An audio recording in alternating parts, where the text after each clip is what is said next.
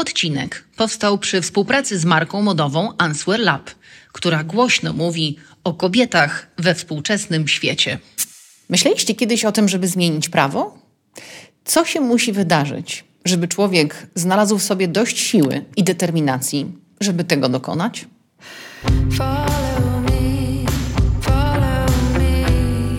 Do dzisiejszej rozmowy zaprosiłam kobietę, która nigdy nie planowała być aktywistką, ale jedno wydarzenie całkowicie zmieniło jej życie. Katarzyna Dacyszyn, modelka i projektantka. Od 10 lat tworzy z sukcesem własną markę odzieżową. W 2016 roku, po wielu latach nękania, spotkała się w sądzie ze swoim prześladowcą.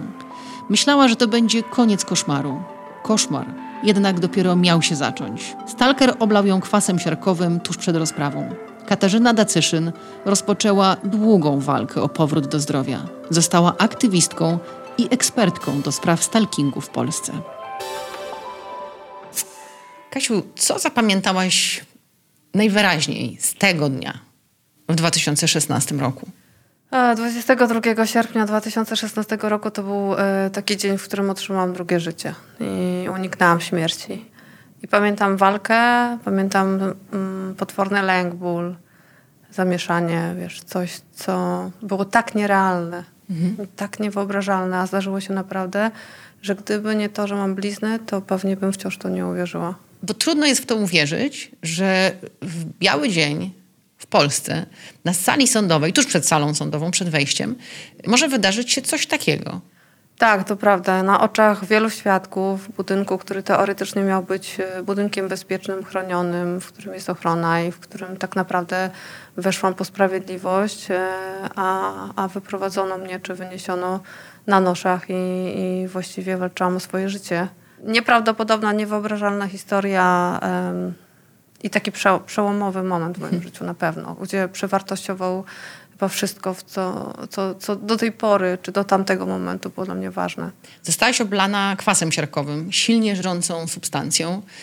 25% e, twojego ciała mm, jest e, poparzone. W tej chwili już e, te blizny są wyleczone, zaleczone, może tak powinnam powiedzieć. Ja bym chciała wrócić do tego twojego poprzedniego życia. Bo to był w ogóle taki bardzo dobry okres dla ciebie. Pasmo sukcesów, e, wspaniale ci się wiodło, skończyłaś e, ASP, założyłaś swoją markę modową, pracowałaś też jako, jako modelka. Ja, ja miałam wtedy wrażenie, że jestem skazana na sukces, że ja byłam po pokazie w Nowym Jorku e, mojej własnej marki, którą założyłam wcześniej. Znalazłam inwestora w Hongkongu, który chciał kupić moją markę i wypromować ją na cały świat Wiesz, ja zupełnie starałam się nie myśleć o tym, co się dzieje w tle, czyli tam gdzieś działa się taka mroczna historia, czyli byłam obserwowana przez zupełnie obcego człowieka, który się później okazał psychopatą i stalkerem. Ale wiesz, dla mnie najważniejsze było to, co się działo tu i teraz i wielkie rzeczy i spełnianie swoich marzeń. I wydawało mi się, że, że tylko to mnie czeka. Wiesz, ja naprawdę spadłam z wysokiego konia. Mhm. Opisujesz e, tę historię w swojej książce Kobieta z blizną, którą przeczytałam y, jednym tchem. Bardzo serdecznie polecam tę książkę. Kobieta z blizną y, o powrocie do życia po oblaniu kwasem przez stalkera. I mówisz właśnie, że, że mm, te wszystkie drzwi do świata stały przed tobą otworem, że czułaś, że płyniesz na fali to wrócę do pewnego dnia latem 2010 roku, kiedy dostajesz wiadomość. Mhm. Nawet znalazłam w Twojej książce cytat, jak ta wiadomość brzmiała. Kiedy zobaczyłem panią z pani chłopcem, to mną bardzo wstrząsnęło. Nie sądziłem, że z kimś jesteś, bo zawsze widywałem panią samą. Tak bardzo mnie to dotknęło, że mógłbym paść do pani stóp i zdechnąć. Ale nie zdechnę, bo wystarczyłoby, żebyś położyła rękę na mej udręczonej głowie i powiedziała: wstań. Taką dostałaś wiadomość. I co pomyślałaś? Poczułam, że coś jest nie tak, że tak się nie wyznaje uczuć i że z tym człowiekiem, który wysłał mi tą wiadomość, y, może dziać się coś złego, a może być niebezpieczną osobą, a w każdym razie nie czułam się komfortowo i zablokowałam z miejsca nadawcę. Mhm, to, to była wiadomość wysłana przez media społecznościowe, Tak, tak. czyli nawet nie trzeba mieć niczyjego numeru telefonu, maila. Można skorzystać y, z platformy, powszechnie dostępnej platformy komunikacji. Nie, A podjęłaś jakieś działania? Przede wszystkim zablokowałam tą, tę osobę. To spotkało się akurat z taką falą agresji werbalnej. Ja otrzymywałam więcej wiadomości z y, fikcyjnych kont, które ten człowiek tworzył i były to już wiadomości z wyzwiskami e, dotyczące tego, że odrzuciłam takie wyznanie i tak dalej, i tak dalej. E, Znałaś go, Kasia? Później w dalszym procesie okazało się, że to był sąsiad, e, który mnie obserwował, natomiast nie miałam o tym zupełnie pojęcia. Te wiadomości, które do mnie przychodziły, one jeszcze nie wypełniały właśnie tych znamion stalkingu, o którym teraz mówię i z którego teraz szkole na przykład. A w 2010 roku też nie istniał przepis w polskich e, przepisach e, prawa karnego, który, który mówiłby o stalkingu. To wytłumaczmy w ogóle, czym jest stalking. E, Stalking to jest e, e, artykuł 190a kodeksu karnego. K- m, Przepis, który powstał w 2011 roku, jest takim zapożyczeniem z przepisów zachodnich. To słowo oznacza śledzenie, tropienie. Innymi słowy, jest to uporczywe nękanie, tak to, tak to nazywamy w przepisach prawa. Tutaj, jeżeli chodzi o taką cienką granicę pomiędzy adoracją a stalkingiem, to zazwyczaj przebiega ona wtedy, kiedy ofiara co do zasady. em, zaznacza Że to, sobie że, nie życzy. sobie nie życzy, tak, tak. Ja też często y, ofiarom stalkingu doradzam, by ne- nie negocjowały, nie rozmawiały, nie próbowały tłumaczyć, tylko zaznaczyły y, bardzo konkretnie y, tą, tę granicę, mówiąc o tym, że nie życzymy sobie więcej kontaktu i każda próba, próba kolejna czy, czy przekroczenie tej granicy spotka się z, ze zgłoszeniem takiego zachowania do organów ścigania. Muszę ci powiedzieć, że mam takie doświadczenie stalkingu. I mam doświadczenie bardzo niedobre w kontekście próby zgłoszenia tego faktu na policję. Otóż, y, kiedy przedstawiłam te zebrane dowody, y, kopie SMS-ów, y, maili, zdjęcia, to usłyszałam, ale o co chodzi? To chyba miło, że ktoś się panią interesuje A w którym i roku? wyraża sympatię. Aha. Ustawa na pewno już była obowiązująca, nie mam co do tego wątpliwości, ale mam wrażenie, że ludzie nadal nie rozumieją, czym jest stalking i y, policja też często bagatelizuje te, te sygnały. Ja wiem, że mają wiele innej pracy do wykonania y, i to pozornie może nie wyglądać groźnie, ale może się okazać bardzo groźne, może się okazać śmiertelnie niebezpieczne. To prawda. Y, Jest jakaś taka tendencja y, postrzegania stalkingu jako, y, jako rodzaj romantycznych zalotów albo właśnie adoracji. I No tak, bo pozornie to wygląda, prawda, na wyznanie miłosne i właściwie czego by się tu można czepiać? stalking rzeczywiście jest uznawany za coś romantycznego albo nie strasznie nie lubię tego słowa, ale już słyszałam, że jest sexy, dlatego że, że stalking ma emocje w tle.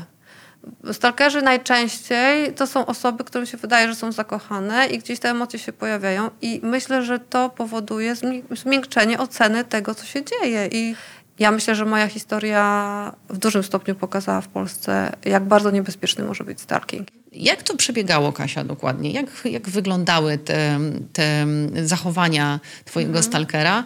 E, A przede wszystkim ciekawi mnie reakcja policji na zebrane materiały. Ten stalking w moim przypadku nie był tak nagminny jak ofiary, które opowiadają mi o tym, że mają 100 nieodebranych połączeń dziennie, albo 200 SMS-ów, albo właściwie telefon zablokowany, czy znajdują prezenty na parapecie swojego okna każdego dnia. Bo tych form stalkingu, takiego narzucania swojej obecności, takiego zaznaczania, że ja jestem gdzieś nad twoim życiem jest bardzo wiele i to są bardzo różne formy. Stalker co do zasady chce kontrolować życie ofiary i jakby mm, mm, dać jej takie poczucie, że ona jest nikim, że ona jest marionetką w jego rękach. To też bardzo często prowadzić może do stanów depresyjnych albo prób samobójczych, kiedy ofiara ma takie poczucie, że jest pozostawiona sama sobie, bez jakiejkolwiek pomocy i że jest w rękach człowieka, e, który próbuje przejąć kontrolę nad jej życiem albo próbuje jej wmówić, bo ja też otrzymałam takie wiadomości, że ja zwariuję. Ty sobie nie poradzisz z tym. To jesteś już przegrana. Pamiętam takie myśli, gdzie, gdzie ci się wydaje, że jedyny spokój, jaki jesteś w stanie uzyskać, to, to będzie wtedy, kiedy ten koszmar się skończy, a możesz znaleźć na to sposób. Tak? To są straszne rzeczy, ale rzeczywiście nawet y, kodeks karny przewiduje wyższą karę dla stalkera w momencie, kiedy ofiara podejmuje próbę samobójczą. Czyli takie, do takich przypadków musiało dochodzić. Sam proces stalkingu, który mnie dotknął, nie był, nie był tak bardzo inwazyjny. Nie, nie odbywały te, te wiadomości, które otrzymywałam, nie, nie otrzymywałam ich tak bardzo często. To jest moim zdaniem wielki problem w rozumieniu, czym jest stalking tak? i gdzie ta granica tak naprawdę przebiega. Bo ja też usłyszałam, że to, czego ja doświadczyłam, nie jest chyba aż tak straszne, ale to poczucie zagrożenia, które masz, tak? Ten stres, który w tobie jest, mhm. permanentne poczucie, że jesteś obserwowana i, i że ktoś chce się z tobą kontaktować wbrew twojej woli i pisze rzeczy o tobie, o twoim dziecku, które są szalenie niepokojące. Mhm. Y, I nie jesteś w stanie tego nikomu wytłumaczyć. Że, że po prostu czujesz się jak ofiara, którą ktoś, ktoś tropi, którą ktoś śledzi. Natomiast bardzo często reakcje ludzi są w ogóle nieadekwatne do tego, co ty czujesz wewnętrznie. Bardzo często. E, no i właśnie myślę, że z tego powodu, że my jako kobiety jesteśmy postrzegane jako e, jednostki, które potrafią, wiesz, coś e, wyolbrzymić. Natomiast ja myślę, że ważne jest wtedy takie wsparcie, które ja rzeczywiście zdarzyło się już, że dawałam kobietom, mówiłam idź i walcz, bo ty wiesz, co czujesz i wiesz, e, w jakiej jesteś sytuacji. Mhm, ale ty byłaś sama, kiedy tego doświadczałaś. W sensie nie miałaś do kogoś się zwrócić o profesjonalną pomoc, bo samo zjawisko stalkingu w ogóle nie, nie było tematem w nie Polsce w 2010 roku. Tak, nie było zupełnie rozpoznawalne. Ale wiesz, ja, y, zresztą ta historia jest opisana w książce, y, kolega zareagował, bo ja już wiesz co, przez tyle lat spotkałam się z tym i, i sobie też tak biłam do głowy, że może rzeczywiście, no w jakiś sposób nauczyłam się też z tym żyć, z takiego Ile to trwało? zagrożenia. No łącznie, kiedy policzyliśmy, no to trwało 10 lat. Y, ale wiesz, no gdzieś ten stalker, kiedy ja byłam w relacjach, yy, w związkach, to tego stalkera nie było. No, ja nie, nie, miałam takie poczucie, że, że wiesz, że wszystko się skończyło i jest dobrze. E, więc u mnie ta sytuacja była taka, e, no jakby niejednoznaczna. Ale wiesz, był też taki moment przełomowy, kiedy mój znajomy chciał zainterweniować e, i, i właściwie to on, patrząc zupełnie z boku, rozpoznał sytuację i powiedział, słuchaj, to jest niebezpieczne, jedziemy ja cię zawożę na policję i ty po prostu musisz złożyć zeznania. I cóż, no i sprawa była, była w toku, bo ona najpierw trafiła na policję, później prokuratura yy, i, i, później została złożona sprawa do sądu i, i za wezwanie. No wiesz, to dosyć była prosta sprawa, bo ty nawet przypuszczałaś konkretnie, tak? Kto to jest? Policja rozpoznała zresztą, co to jest. To też nie, było, to nie była wielka tajemnica. To był człowiek, który podpisywał się imieniem, nazwiskiem, wysyłał mi zdjęcia dowodu osobistego, więc y, wszelkie te informacje jako dokumentacja dowodowa została przekazana policji i tym się zajęła już policja, jako mhm. ustaleniem sprawcy. On się do tego przyznał. Y, ja też nie chcę za wiele mówić o tym człowieku, ale on miał pewnie swoje założenia. E, wydaje mi się, że dokonując czegoś takiego w miejscu publicznym, tak naprawdę sięga się po sławę, może jakiś rozgłos, e, jakiś, jakąś taką formę, nie wiem, zwrócenia na siebie uwagi przecież mediów. Mhm. Bo, bo... Czyli popularność, którą też zyskał dzięki temu i na pewno zwrócił na siebie uwagę bardzo, twoją. 22 sierpnia 2016 roku miała się odbyć rozprawa w sądzie. Ja miałam, i tutaj chcę zaznaczyć, bo, bo też kiedy prowadzimy szkolenia Bezpieczne Kobiety i mówimy o mm, takiej, takiej prewencyjnej samobronie, zanim dojdzie do takich zdarzeń wręcz, to mówimy o intuicji. Ja instynktownie y, czułam jakieś przerażenie i czułam, że coś złego może się wydarzyć. Ale to jest tak, że często bagatelizujemy ten instynkt, albo racjonalizujemy sobie to, albo ktoś nam mówi daj spokój, nie przesadzaj, wszystko będzie dobrze. Mhm. I gdybyś posłuchała wtedy tego instynktu, to być może stałoby się inaczej. Tak, być może nie, e, nie stawiałabym się w sądzie tego dnia. Mhm. E, bo, bo naprawdę to była rzecz, na którą nie miałam w ogóle ochoty i nawet prowadziłam taką rozmowę ze, swoją, ze swoim pełnomocnikiem. I bardzo dobrze o tym pamiętam, że, że naprawdę nie chciałam tam e, się pojawić mhm. w tym miejscu. Co się wydarzyło, Kasia? Przyjechałam na miejsce i zorientowałam się na korytarzu sądu. To było przed godziną dziewiątą zresztą korytarzu zatłoczonym, bo wiele osób czekało tego dnia, to był poniedziałek, na, na swoje sprawy, więc było mnóstwo adwokatów i osób, które prowadziło swoje jakieś postępowania. Zorientowałam się, że jest osoba, która przypomina mi mniej więcej rysopis tego człowieka, i osoba, która się bardzo dziwnie zachowuje, dosyć nerwowo. To była pobudzona osoba, która mnie bardzo mocno obserwowała, mężczyzna oczywiście. I pamiętam też, że, że próbowałam zapanować nad tym strachem i podjęłam decyzję, że nie będę patrzeć na tego człowieka. Nie będę, być może mogłabym go sprowokować tym, e, tym wzrokiem. Więc nie będę w ogóle patrzeć w jego kierunku i i będę ignorować jego obecność. I to był wielki błąd, o czym też mówię na szkoleniach e, czy razem z instruktorem bezpieczeństwa. Dlatego, że może nie powinnam patrzeć wprost czy w oczy, ale nie powinnam go spuścić z, e, z pola widzenia, po to, mhm. żeby zachować czujność i kontrolować sytuację. Ja jej nie kontrolowałam. Ja nie wiedziałam, ja nie wiedziałam, gdzie jest zagrożenie. On y, podszedł do mnie y, ze słoikiem wypełnionym kwasem y, od tyłu i ja właściwie w momencie ataku nie wiedziałam, co się dzieje. A mogłabym pewnie tego uniknąć. Jak w ogóle do tego doszło, że wchodzi do sądu człowiek ze słoikiem z kwasem siarkowym? Jak to jest możliwe? Dlaczego żadna kontrola tego nie wyłapała? W tamtym czasie przepisy dotyczące ochrony sądów były niewystarczające. One się zmieniły po ataku. E, na moją osobę. Miesiąc później e, została zaostrzona ustawa o zabezpieczeniu sądów, jak również został zmieniony regulamin tego właśnie, tejże placówki, w której zdarzył się atak w kolejnym roku i jest taki zapis tam e, w, w przepisach bezpieczeństwa, który rozszerza tą część dotyczącą wnoszenia płynów, które mają być sprawdzane przez ochronę tego budynku sądowego, jak również zakupiono detektor płynu te przepisy, które istniały, były niewystarczające i człowiek, człowiekowi udało się wnieść taką niebezpieczną, rzącą substancję. Ty nie zdawałaś sobie sprawy do końca, co się dzieje i, i jakim płynem zostałaś oblana? To, co się dzieje z ludzkim organizmem jest niewyobrażalne. Ja miałam tak wysoki poziom e, wszystkich hormonów i, i ciśnienia, że ja słyszałam tylko pisk w uszach. Ja nie słyszałam rozmów dookoła. Akurat y, byłam bardzo przytomna i, podejmowałam, wydaje mi się, że racjonalne decyzje, bo e, zerwałam się i zaczęłam jakby w tym ogromnym bólu szukać, e, szukać wody bieżącej, żeby e, móc się ratować. I zupełnie nie słyszałam komunikatów, które rzeczywiście prawdopodobnie tam były rozsyłane, że to jest kwas. Bo być może, nie wiem tego, ale być może podjęłabym trochę inną decyzję, jeżeli chodzi o, e, o zmywanie tej substancji, bo ja używałam wody zimnej, a pewnie mogła, być może pomyślałabym o tym, że należałoby użyć zasady, czyli nawet wody z mydłem.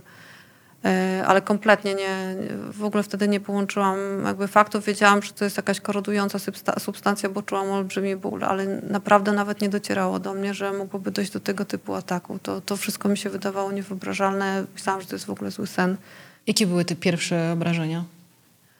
E, wiesz co, no 80% oparzenia twarzy liczę w tym ucho, które było martwe, kiedy dolecieliśmy śmigłowcem do Siemianowic Śląskich, do Centrum Leczenia Oparzeń. 20% oparzenia ciała, oparzone drogi oddechowe, zatrucie toksynami i, i pierwsze takie doby, które były znaczące, jeżeli chodzi o to, czy mój organizm sobie poradzi w ogóle z tym, co się wydarzyło, bo miałam gorączkę, e, byłam potwornie spuchnięta i właściwie już została mi podana morfina, takie bardzo silne przeciwbólowe substancje, ale to, czy serce, nerki, czy sobie poradzą z, z wydolnością e, na skutek tego ataku, to, to miały pokazać kolejne godziny i ja pamiętam tylko taką sytuację, że lekarze, którzy stali nad moim łóżkiem, a ja wtedy nie widziałam i badali mi oczy, mówili, że ona nie będzie widzieć. I e, ja to pamiętam, że, że była we mnie taka straszna niezgoda co do tego, co usłyszałam, że wyobraziłam sobie, że obok jest pacjentka i oni mówią o kimś innym. I tylko dlatego, żeby się nie poddać. I tylko dlatego, żeby sobie e, nie dołożyć e, jakby takich negatywnych myśli. I pamiętam, że, e, że pomyślałam, ja nie miałam siły im odpowiedzieć, bo oni mnie prosili o odpowiedź, ja nie miałam siły mówić i, i, i pamiętam tylko, że pomyślałam, że co oni gadają, to jest niemożliwe, ja muszę wiedzieć, to nie ma innej sytuacji, nie ma innej opcji. I myślę, że takie moje nastawienie, zresztą e, doktorzy, którzy mnie przyjmowali na oddział i, i później też w całym procesie leczenia bardzo podkreślali to, że pozytywne nastawienie w procesie leczenia jest kluczowe. Oni dadzą z siebie wszystko, ale to będzie tylko 50%, a drugie 50% leży po mojej stronie. To był ten y, początek, kiedy jeszcze nie otworzyłaś oczu i, y, i chyba, jak sama mówisz, nie do końca rozumiałaś, co się z tobą dzieje. A co było dalej? Oj, dalej to był taki bardzo trudny czas. Taki czas ciemności, bólu, przerażenia, strachu, y, bardzo trudnych informacji, jakie dostawałam. Ile przeszłaś operacji, zabiegów? Liczyłaś to? Ojejku, ja wiem, że to pytanie to jest takie ulubione pytanie wszystkich, a mnie jest ciężko odpowiedzieć w taki sposób, żeby zrobić wrażenie, jeżeli o to chodzi, ponieważ moi wspaniali lekarze łączyli yy, zabiegi w jeden, złączyli w jeden duży zabieg. Jednego dnia odbyła się operacja, bardzo trudna operacja przeszczepu skóry w 12 miejscach na moim ciele. To były takie bardzo kluczowe. W 12 miejscach. Jednocześnie. Tak, jednocześnie i tylko po to, żeby tak naprawdę y, przykryć rany, które, które były takim, no, takimi drzwiami, drzwiami otwartymi do, do, y, do tego, żeby, nie wiem, wydarzyło się y, coś gorszego, czyli, czyli nie wiem, jakieś stany zapalne, czy, czy coś, co mogło pogorszyć bardzo mocno mój stan zdrowia. E, I to było niezbędne. To był, to był proces przeszczepu skóry, który nie był operacją plastyczną de facto, chociaż no, chodzi nie o, nie o taki zabieg estetyczny, co, co zabieg, który miał e, tak naprawdę zabezpieczyć mnie na dalsze procesy leczenia.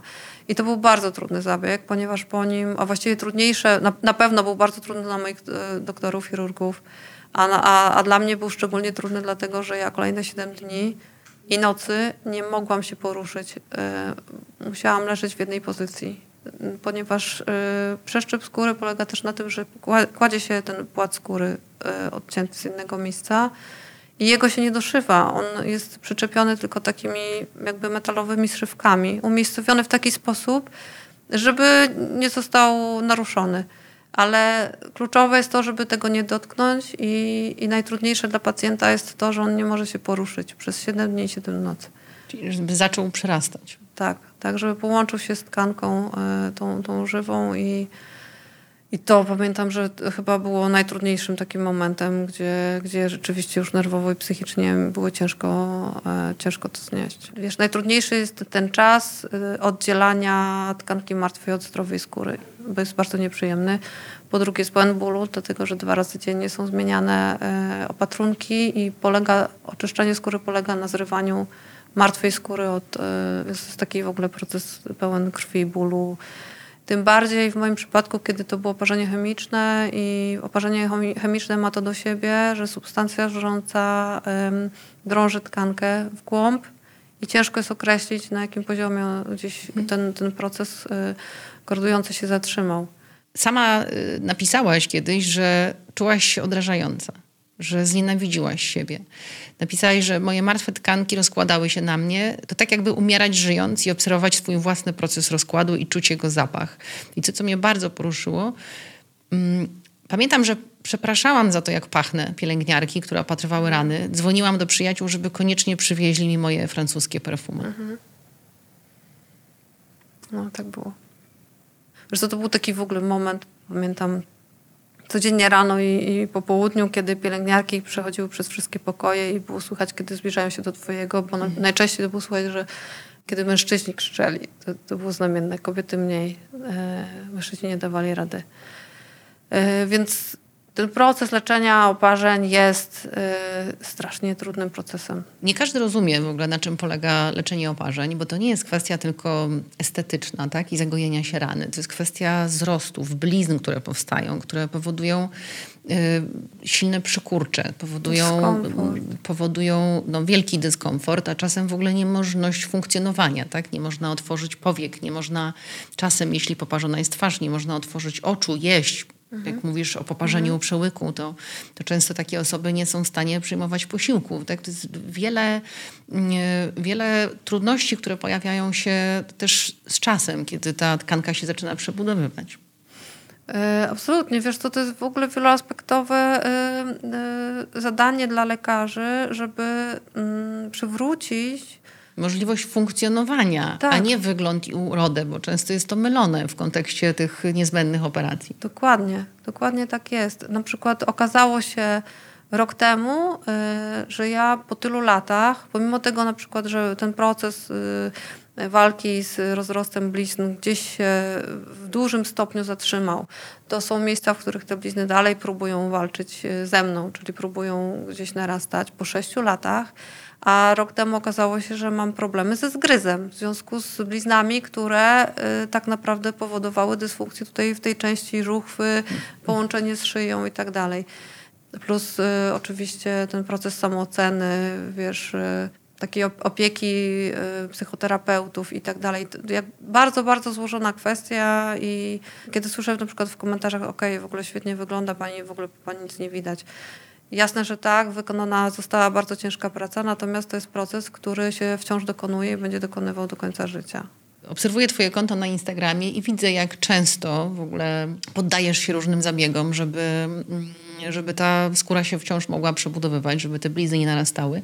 Ale też, co jest e, dla mnie szczególnie mm, ważne jako dla kobiety, to to, że ty nawet w najgorszych momentach starałaś się dbać o różne y, takie rzeczy związane z estetyką właśnie, żeby paznokci mieć zrobione, tak? żeby ocalić chociaż trochę tej, tej normalności, tak? tej takiej naszej kobiecości w tym, w, tym, mhm. w tym całym piekle, w którym się znalazłaś.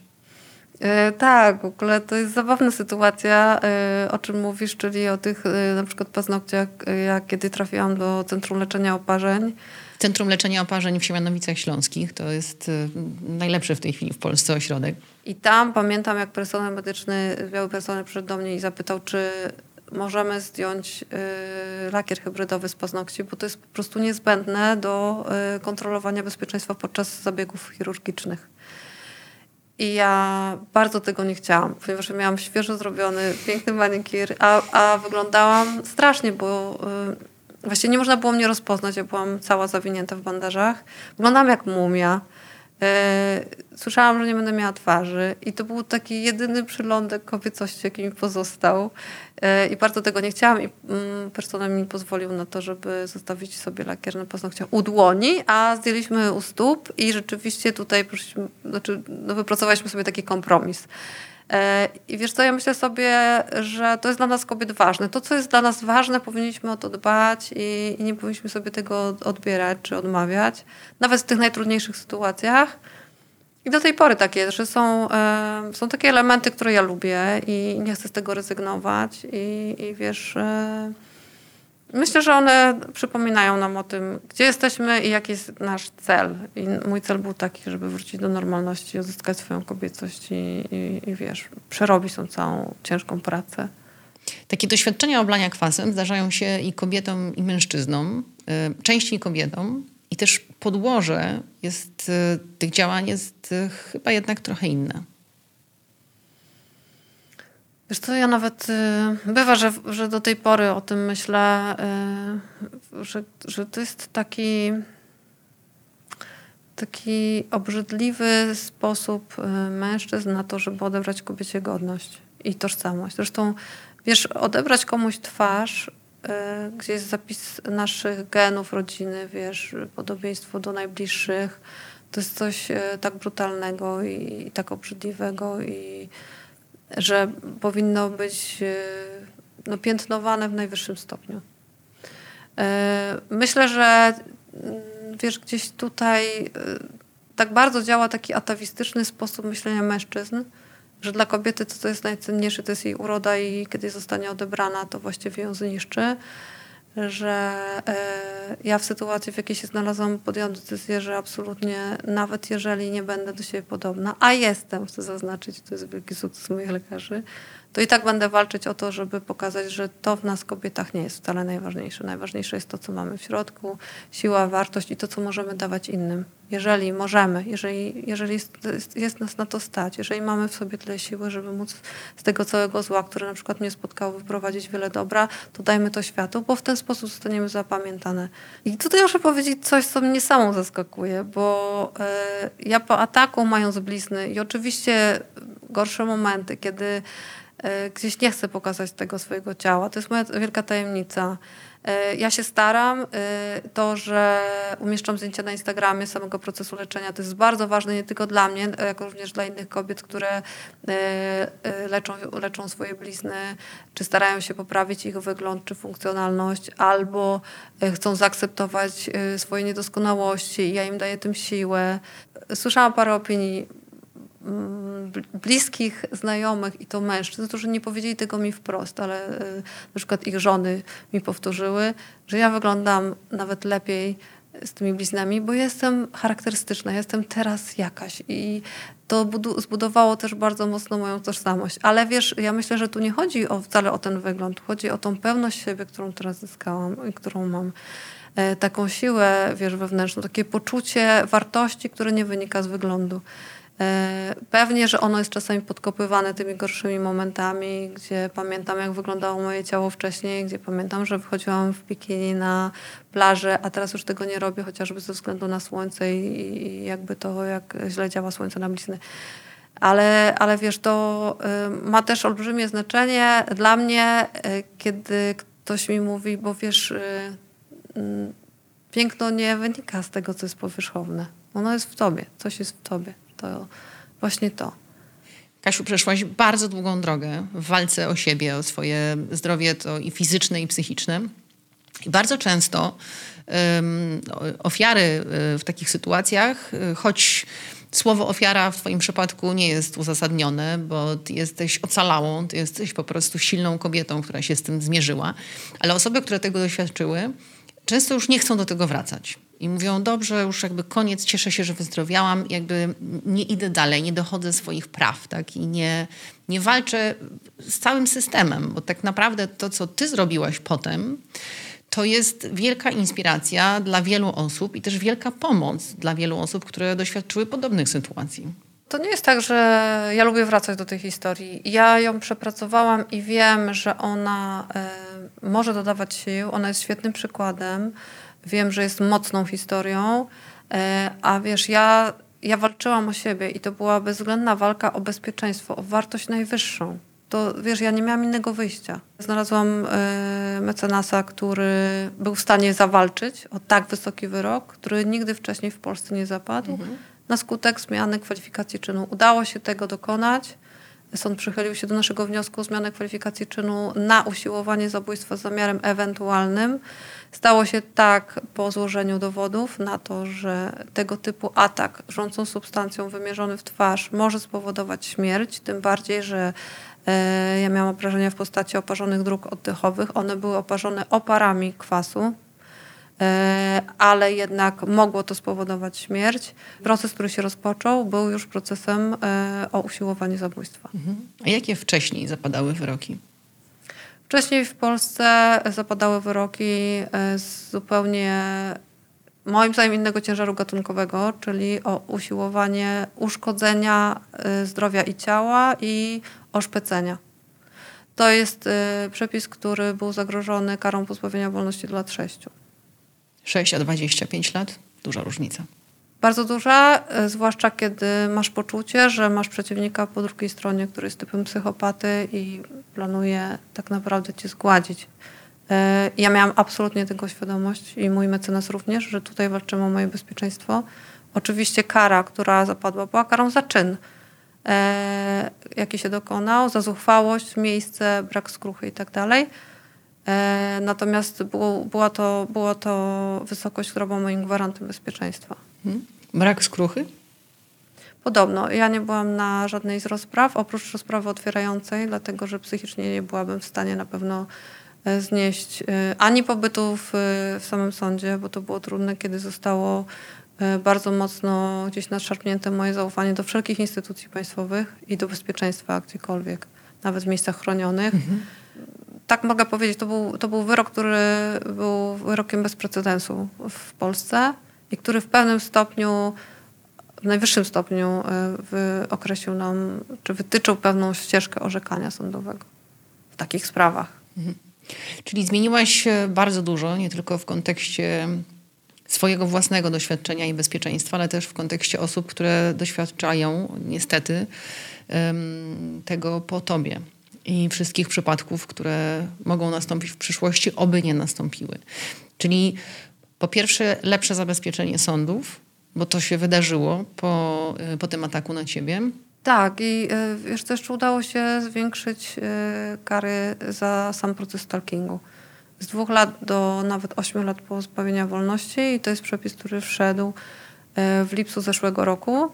Ja, ja, co roku starałam się zajmować taką, y, takimi akcjami społecznymi, zupełnie pro bono oczywiście, które miały za zadanie uświadamiać, czym jest stalking. Uświadamiać również organom ścigania. Y, w roku 2019 stworzyłam kalendarz, który został wydrukowany w liczbie wszystkich prokuratur w Polsce. Pomogło mi dzięki y, wydawnictwo zresztą, które wydało moją książkę. I ten kalendarz, który był E, kalendarzem ściennym e, ze zdjęciem e, moim. Ja, ja zbyt często bliź nie pokazuję, ale to był taki, taki moment, gdzie wiedziałam, że muszę pokazać, jakie mam obrażenia ciała. I to był kalendarz, który przedstawiał mnie w, w pewnym takim obnażeniu, pokazując blizny i opisując, czym jest artykuł 190a kodeksu karnego, czyli stalking, jak on może się, e, jak ten stalking, jaki może mieć tragiczny finał również. Tylko po to i, i dlatego, żeby e, te organy ścigania nie bagatelizowały przypadków stalkingu w Polsce. I tak, choć nie planowałaś, zostałaś aktywistką. Ja co roku, od momentu uprawomocnienia się wyroku, kiedy właśnie poczułam taką sprawczość, e, starałam się działać na rzecz ofiar i głównie w listopadzie, dlatego że e, jest Światowy Dzień Przeciwko Przemocy. I uznałam, że jest to znak, nie jest to przypadek. I zorganizowałam wtedy pierwszą taką akcję e, ogólnopolską Stop Stalking w Łodzi, gdzie zjechały się kobiety z całej Polski, co było e, naprawdę no, mocno budujące. Głównie ofiary stalkingu, które chciały się dowiedzieć dużo na temat i samego procesu, i, i tego, jak przygotować się do, do składania zeznań. I takie szkolenie zostało przeprowadzone. W kolejnym roku również y, było przeprowadzone dla przyszłych prawników, sędziów, prokuratorów y, na Wydziale Prawa Uniwersytetu Łódzkiego. Y, a w tym roku jest to inicjatywa mojego znajomego, który jest instruktorem bezpieczeństwa Mateusza Orczykowskiego. Z Fundacją To się uda. Zorganizowaliśmy wydarzenie cykliczne pod nazwą Bezpieczne Kobiety które ma za zadanie tak naprawdę y, przygotować nas albo starać się uniknąć zagrożeń, jakie na nas czyhają. Ja opowiadam oczywiście o stalkingu y, i o tym, jak uniknąć tego zagrożenia, czego nie robić, y, co robić, jak przygotować się do składania zeznań. Mateusz Orczykowski jest instruktorem bezpieczeństwa, więc on oczywiście szkoli wręcz i, i, i przeprowadza taki trening samoobrony. Wręcz. Wręcz. e, e, natomiast, e, natomiast przede wszystkim nacisk jest kładziony przy tych szkoleniach na unikanie zagrożeń, czyli mm, tego, jak obserwować y, otoczenie. Właściwie to, o czym mówiłam wcześniej, czyli ta zasada ograniczonego zaufania, zasada czujności, intuicja, którą, którą należy brać pod uwagę i gdzieś rozpoznawanie zagrożeń, e, zarządzanie strachem w sytuacjach, które zaczynają być trudne. Tego wszystkiego uczy Mateusz. E, najbliższe szkolenie w listopadzie będzie szkoleniem e, takim w, systemie webinarowym E, ja poprowadzę webinar 20 listopada, Mateusz 19. Ja tylko powiem krótko, że można znaleźć te webinary na zrzucę.pl albo zapraszam również na profil Bezpieczne Kobiety na Instagramie i na Facebooku i tam będą wszelkie szczegóły. Mhm. Kasiu, zmieniasz świat. Myślę, że nie. Myślę, że mam wpływ na... Masz, masz wpływ i zmieniasz świat tymi swoimi działaniami. Przekułaś e, potworne doświadczenie, ogromny ból przekułaś w coś dobrego też dla innych ludzi, za co bardzo Ci dziękuję w imieniu swoim i wielu, wielu kobiet, które śledzą to, co robisz. E, I dziękuję Ci, że, że jesteś zaangażowana, że że działasz i że dajesz nam, nam wszystkim kobietom siłę i też pięknie pokazałaś, jak przejść przez takie trudne doświadczenia. W jakim sensie redefiniowałaś w ogóle, czym jest piękno. Więc y, za to też dziękuję. A, a propos blizn, to słyszałam kiedyś takie zdanie, że blizny są jak tatuaże, tylko że mają dużo ciekawszą historię. O. Niejednokrotnie historię y, cierpienia, bólu, tego fizycznego i psychicznego, ale. Zwycięstwo też. Zdecydowanie tak. Y, chciałam Ci też bardzo podziękować y, za współpracę. Kasia Decyszyn zgodziła się konsultować jeden z rozdziałów e, książki Co chcesz powiedzieć światu. W rozdziale tym opowiadam o kobietach, które mm, doświadczyły oblania kwasem albo zostały oblane naftą i podpalone. Straszne rzeczy się dzieją kobietom w Pakistanie i w Indiach, tam głównie. Bardzo mi zależało, żebyś przeczytała i zrecenzowała ten rozdział. Bardzo, bardzo Ci dziękuję. Zresztą poznałyśmy się przy okazji tego tematu właśnie. Zwróciłaś mi uwagę w ogóle, jak mówić o no, tego typu zjawiska. tak. Czego nie mówić. Mhm. Także to są bardzo, bardzo ważne uwagi. Także zachęcam. Książka Co chcesz powiedzieć światu. Polecam y, tę. Polecam książkę Kasi, Kobieta z blizną. I oczywiście śledzenie Twoich profili, gdzie, gdzie udostępniasz te wszystkie ważne i potrzebne wiadomości. E, a jeszcze mam takie pytanie, co Ty chcesz powiedzieć światu? Wiara, siła, determinacja i wierność sobie i swoim wiesz, celom są chyba w życiu najważniejsze. Hmm. Bardzo, bardzo Ci dziękuję, że jesteś. Dziękuję Ci za rozmowę, za to spotkanie. Dziękuję bardzo. A Wam dziękuję za obejrzenie i wysłuchanie kolejnego odcinka na kanale dalej. Zapraszam do subskrypcji, żeby nie przegapić kolejnych inspirujących rozmów. Yy, I do zobaczenia dziękuję przy innych okazjach. Bardzo. Nie mam wątpliwości. Odcinek powstał przy współpracy z marką modową Answer Lab, która głośno mówi o kobietach we współczesnym świecie.